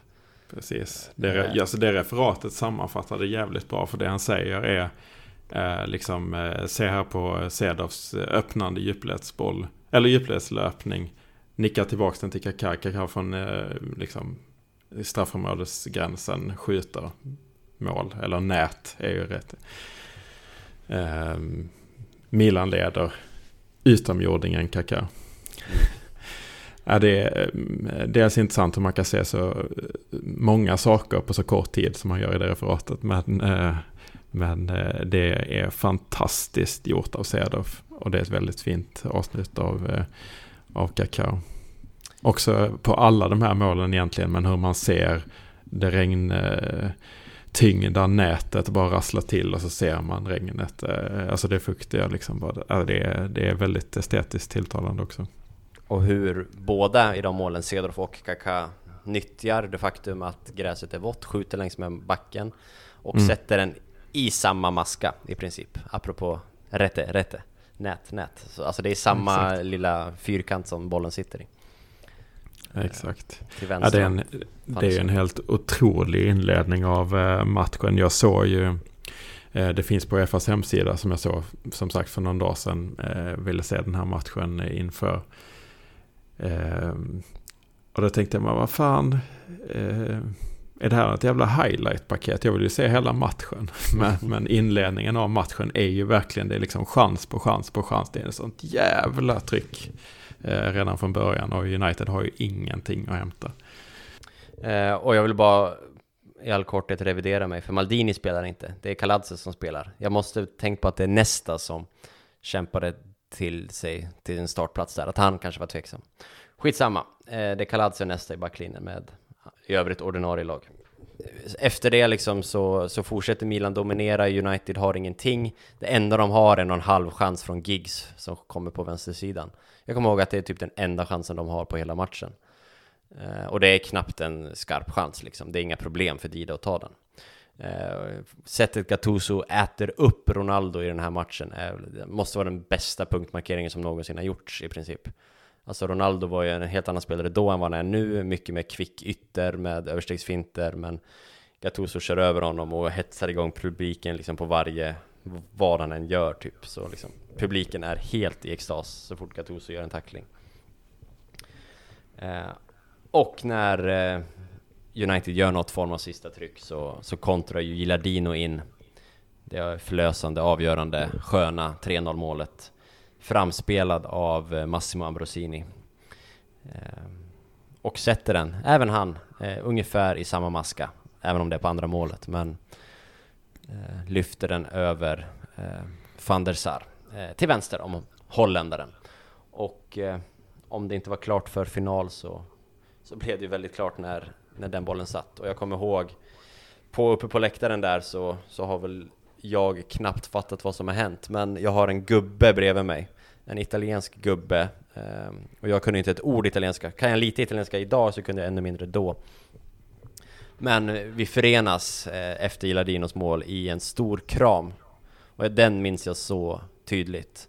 Alltså att det var så hjärtlig och han var så lycklig och jag var så, för mig, han var där för 300 gången i sitt liv. Eh, jag var där för första gången i mitt liv och, där möttes vi liksom över nationsgränserna och över åldersgränserna och över språkgränserna och eh, klyschigt, men liksom fotbollen där och då förenade och, jag kommer ihåg att vi försökte prata med honom på engelska efter matchen och sånt och det gick ju inte, han kunde ingenting, men liksom han var bara lycklig och, och vi var lyckliga och nej, det var en fin stund vill jag minnas. Det är svårt att toppa den här matchen sen.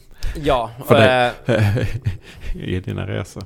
Ja, och det här liksom fortsatt, alltså det är ju 10-talets bästa, eller förlåt, 00-talets bästa Milan-match alla kategorier. Och, och liksom rankar man bästa Milan-matcherna, bästa Milan-insatserna i modern tid så kommer ju alltid den här på topp. Eh, och att jag prickar den i min första resa någonsin är ju sån tur och sån slump. Eh, men jag är otroligt lycklig att jag fick vara på plats och uppleva den här eh, matchen. Det var, det var helt otroligt. Helt otroligt. Och ifall jag inte var kär i den här klubben innan dess så blev man ju definitivt det under den här matchen. Jag kan säga en sak till. När jag såg den här matchen på Uefas hemsida så körde de statistik efter matchen. Kan du gissa, så ser man så här, Team Top 3 Distance. Det körde de ju mycket förr i tiden. Man ser inte så ofta nu vem som springer längst och hur långt de springer på plan. Vem tror du sprang längst i, i Milan? centrala mittfältare brukar ju springa mycket, så jag gissar på eh, Pirlo Gattuso kanske? Slänger in Ambrosini alltså... där också, så tar vi hela trion. Ja, ja. ja okej. Okay. Ja. Ja, det är ju eh, adekvat gissning på så vis, men eh, det är ju Pirlo som är längst upp och det tyckte, tyckte jag var anmärkningsvärt. Men då var det inte det i och med att det var din första gissning. Nej, det är egentligen mer utifrån att centrala mittfältare brukar springa mest. Sen var inte Pirlo ja. känd för att, i alla fall ha bilden av att springa mycket. Nej, men det visar ju lite att han var eh, ändå rörligare än vad man minns honom. För man präglas nog rätt så mycket av hans, eller jag åtminstone, och jag tror många andra präglas eh, av hans senare år. Men han gör ju ändå rätt så många eh, djupledslöp här i den här matchen. Verkligen. Så uh, tipset är väl, har du inte sett den här matchen? Uefas hemsida säger du? Jag kommer ihåg att pappa Så det finns också på VOS på Urogsgatan i Västerås om ni hellre vill se den där med ja, då svenska kommentatorer. È finita! Finita! Due anni dopo Istanbul il Milan. C'è poco da parlare, c'è soprattutto da vedere queste immagini. È un trionfo del Milan, ma è un trionfo del calcio italiano. Anche perché, ricordiamo, nella formazione base c'erano sei giocatori italiani, un settimo. Gilardino è entrato ed ha segnato un gol che forse ha spezzato definitivamente Och då kommer vi till finalen som ju alla har väntat på. Det är eh, Liverpool som vinner efter en gaskramande semi mot Chelsea. Och eh, Milan får möjligheten att ta den här revanschen. Den revanschen som man har drömt om. Den revanschen man skulle ha 2006. Eh, för att revanschera sig direkt. Den kom inte då, men istället kommer den här 2007 och som grädde på moset så är det ju samma lag man får möta. Det är dags för Liverpool igen. Det är ett Steven Gerrard buret Liverpool som eh, står för motståndet. Och det är inte Istanbul den här gången, men det är Aten. Och det är väl nästan så nära man kan komma i, i huvudstadsväg, tänkte jag säga. Rent geografiskt i alla fall. Eh, och jag har Maldini har i efterhand, så retroaktivt, pratat om uppladdningen inför den här matchen och han säger att eh, jag kände då att det här var eh, sista chansen. Eh, kanske inte bara för mig utan även för hela min generation i det här Milan. Eh, jag hade mycket skadeproblem och det var en eh, sista chans eh, för oss alla. Och när det ges sådana här chanser så brukar Milan alltid vara bra. När man måste vinna så gjorde vi ofta det.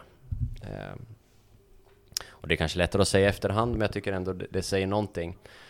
Filippo Inzaghi pratar också retroaktivt och han säger att två år tidigare, jag minns tillbaka till 2007 alltså, två år tidigare, det vill säga 2005, så satt jag på läktaren.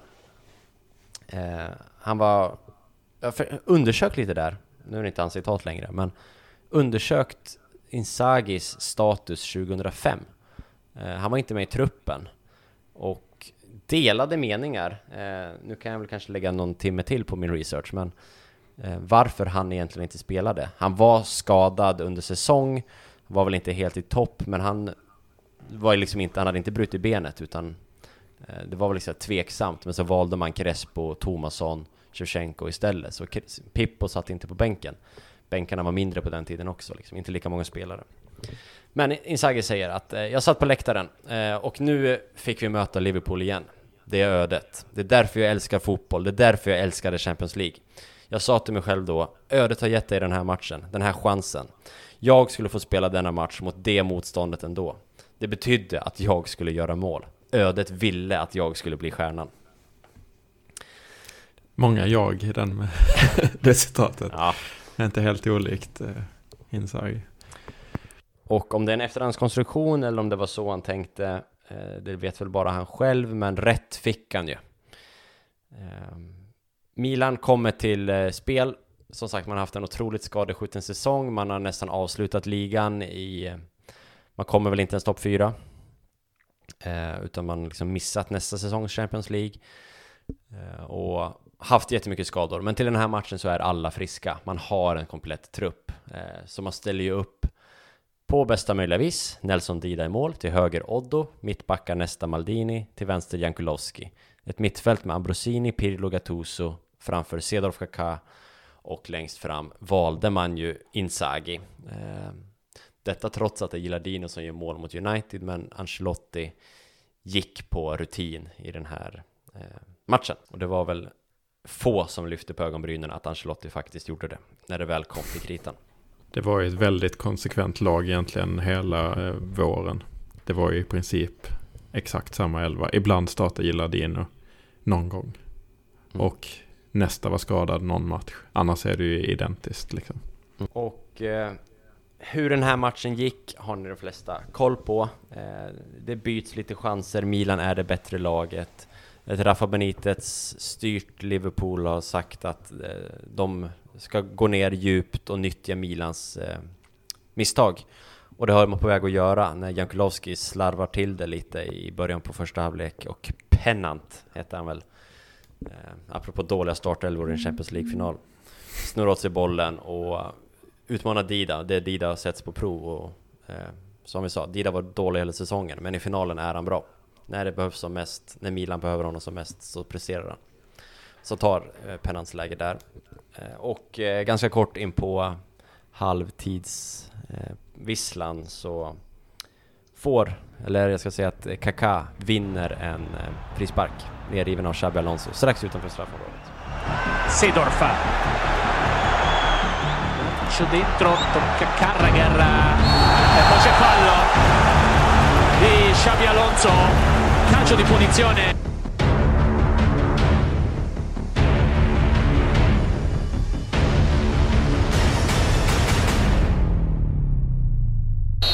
Fischia l'arbitro. Prova Pirlo!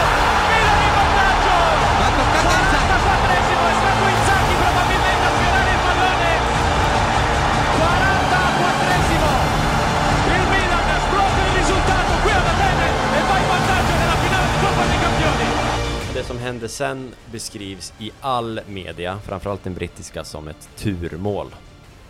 Eh, som... Ja, och det känns som vi har diskuterat det i den här podden också. Eh, Ser jag för mig att vi har haft den här diskussionen och att du var på tursidan. ja, Har du... nej, låt mig komma nu till... Ja, okej. Ja, ja, ja. ja. ja. Eh. jag- Mm. Det beskrivs som ett turmål. Eh, Inzaghi säger i intervju efter matchen att eh, det inte är en intränad variant. Eh, så det är liksom ingenting de har planerat att de ska göra. Däremot så säger Inzaghi att eh, jag ställer mig här, eller jag springer in i den luckan, för ungefär där brukar Pirlo skjuta. Eh, vilket han gör, Pirlo, eller Inzaghi får den i, på axeln eh, och den styrs in i mål. Eh, och då är vi tillbaks i en tur eller slumpdiskussion, eller vad nu skillnaden är. Det är inte en variant, Inzaghi chansar och får den på sig och den styrs in. Det är klart enligt mig att det finns en gnutta tur i det, eh, men det är också en medveten löpning från Inzaghi. Ungefär så är min bild. Jag vet inte om den är så reviderad mot vad jag sa sist. Det kanske det är. Jag vill minnas att det var en helt annan diskussion då. Men eh, eh, jag har också läst en intervju som inte stämmer överens med den du sa. Jag vet inte om han har gett fler intervjuer, men eh, att han har pratat om att de har gjort så här på träning också. Eh, men eh, oavsett orden där så har man ju konkret på plan att det har gjorts ett sånt här mål mot Empoli också. Han säger det, Eh. för den intervjun jag såg var en videointervju till och med. Och då säger han att eh, det är inte en intränad variant, vi har inte planerat det. Men jag vet att Pirlo brukar skjuta ungefär där, för han har gjort det i ligan och vi gjorde ungefär ett likadant mål i ligaspelet, säger han. Okej. Mm. Eh, Så ja, det kanske finns fler intervjuer. Det här är som sagt i retroaktivt. eh, Han ger den här intervjun. Den är ganska ny den intervjun. Den har inte många år på nacken. Så, mm.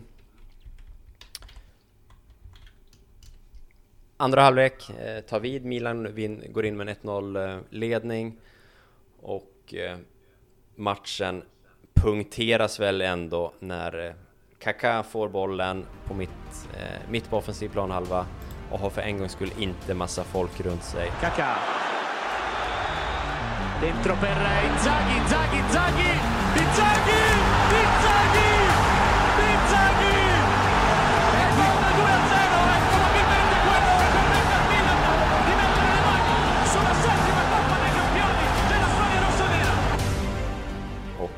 finner då Inzaghi som löper perfekt i djupled, runda, runda Pepe Reina och eh, bollen som så långsamt studsar, rullar in, minns jag också som igår. Den här gången tyvärr inte från läktaren, eh, men från TV-bilderna. Det gick så långsamt i mål, eh, har så tydliga minnen av det. Men i mål går Inzaghi säger i intervju efter att, att det är den bästa stunden i hans liv, eh, i alla fall på fotbollsplanen. Eh, att han, han gråter ju egentligen när han firar målet. Han sätter sig på knä, Kaká kommer och kramar om honom och, och det börjar rinna tårar från Inzaghi. Han har aldrig upplevt en större eufori eh, på fotbollsplanen i sitt liv. Och då har han ändå blivit glad ganska många gånger. Mm. Mm. Så uh, hans öde blev som, som det var tänkt. Han blev stjärnan i den här matchen. Sen någonstans i, i 86 minuten så blir han utbytt eh, till eh, stående ovationer såklart från Milan-läktarna som är helt eh, eh fullsmetade. Eh, han, liksom, han, nästan när han går av så firar han segern liksom. Eh, vevar igång publiken och, och har tagit hem den här, räknat hem det. Eh, han blir liksom utbytt på en hörna. han går ut långsamt och Gilladino kommer in. På hörnan nickar Köjt in 2-1. Inzaghi säger det att eh, det var det värsta som kunde hända, för jag visste att skulle de kvittera då så kunde jag inte påverka resultatet mer, att han var maktlös. Så han säger också det att hela resten av matchen så står jag vid sidlinjen och följer egentligen fjärdedomaren eh, och fjärdedomaren får knuffa in honom i den tekniska zonen och sen i den här, man får se bilder på den, domaren står och puttar Isagi tillbaks mot bänken. Men Milan håller ju ut eh, och vinner matchen. Eh, och Inzaghi blir hjälte och, och Kaká drar av sig tröjan och I belong to Jesus och det är så många klassiska bilder och jag kommer ihåg att att eh, ja, det var den första egentligen. Jag minns ju inte 03 liksom, så det här är den första och enda Champions League-vinsten. Eh, Champions League-finalen jag ser i sin helhet och som jag minns. Alltså det är den största framgången i mitt supporterskap någonsin. Kommer du ihåg hur du upplevde finalen? Eh, jag var inte lika intensivt som du gjorde, men jag följde Milan eh, den här tiden. Eh, sen började väl... Jag tror att mitt, om man ska sätta någon punkt, att mitt sportskap intensifierades säsongen efter egentligen. Så det var ju en tung start då. För det var väldigt stort fall ner. Men... Um, um, um, Ja, det, det är ju det största. Eh, otvivelaktigt så. Det största jag varit med om. Eh, det är ju bara skeletten som kan konkurrera med det såklart. Mm. Och, och alltså, det blir ju så mycket mer eftersom man har Istanbul-finalen med sig. Och pratar du med en Liverpool-supporter så betyder väl den här Aten-finalen ingenting, för ändå inte ens i närheten av dramatiskt som Istanbul-finalen. Och det köper jag, men eh, att Milan fick den här revanschen, att, att den samma spelare egentligen, Milan spelar ju nästan med samma startelva, eh, får den här revanschen och ändå ge någon form av ro i fotbollssjälen. Alltså eh, yin och yang. Eh, det är balans i fotbollsuniversum och, och, Milan får ändå ta den här segern med Inzaghi som missade förra, får komma tillbaks och avgöra. Det är skrivet i stjärnorna på något vis. Och historien är väl vacker på det sättet. Sen visar det sig också att det ger att, att Uefa, apropå Uefa-maffia, så inför Uefa efter det här att vinnaren i Champions League är direkt kvalificerad till nästa år. Mm. Det har mm. aldrig skett förut, så Milan får ju spela Champions året efter också, eh, trots att man inte kommer topp 4 i Serie A. Som en liten bonus. Och ungefär där tar min genomgång av Champions League 2006-2007 slut? Jag ähm, blev lite distraherad på slutet för att jag försöker söka i vår interna chatt efter vår Inzaghi måldiskussion. För jag är helt övertygad om att du och Kerim var på, övertygad om att det här bara var tur. Okay. Medan jag hänvisade till att man har gjort ett mål tidigare och sådär. Men eh, det kan eh, kanske är mitt minne som sviker mig. Men det är svårt att söka på eh, Inzaghi för att vi har nämnt honom vid flera tillfällen kan man säga. Jag vet att vi har haft diskussionen och jag vill vilja att på något vis ändra mig själv och på så vis också ge dig rätt. Även om jag fortsatt anser att det är tur involverat i, i målet. Men det är en medveten löpning från Pippo, det säger han själv och jag har väl ingen anledning att misstro honom. Så om det var det så diskussionen gick så, så backar jag så här mm. år efter. Ja. ja, men det är väl inte... Um, det viktiga eller så är det det vem som sa vad. men, men det är ju en diskussion som, som inte bara vi har haft tänker jag så att det är ändå intressant att lyfta för att jag eh, upplever inte alls att det bara är en slump att han hittas där. Jag tycker att den ser väldigt medveten ut. Det är ju ett smart, alltså det är en smart agerande på alla sätt. Så är det. Och det gav oss ett guld. Eh, och bättre än så har vi inte varit under hela min supportertid. Så vi får väl se om det snart är dags igen. Tror du, Andreas, att vi under våran... Kommer vi få uppleva det här igen? Något liknande?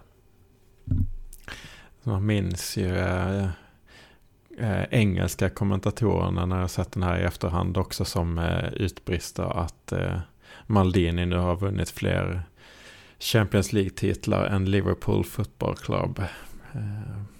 Så måste väl också ha fallet, varit fallet 2003 för att då nu, de vann i varsin sen efter det. Men, men i alla fall så ligger vi ju där uppe eh, bland den klubben som har vunnit näst flest Champions League. Men eh, det finns ju fler klubbar där uppe som är närmare den titeln nu kan man väl säga. Eh, och fotbollen går väl mot en riktning att det är svårare och svårare att slå sig, slå sig uppåt. Men vad fan. Om Champions League fortfarande finns om 20 år så har Milan vunnit någon gång. ja, det är, det är hopp nog i tider som dessa.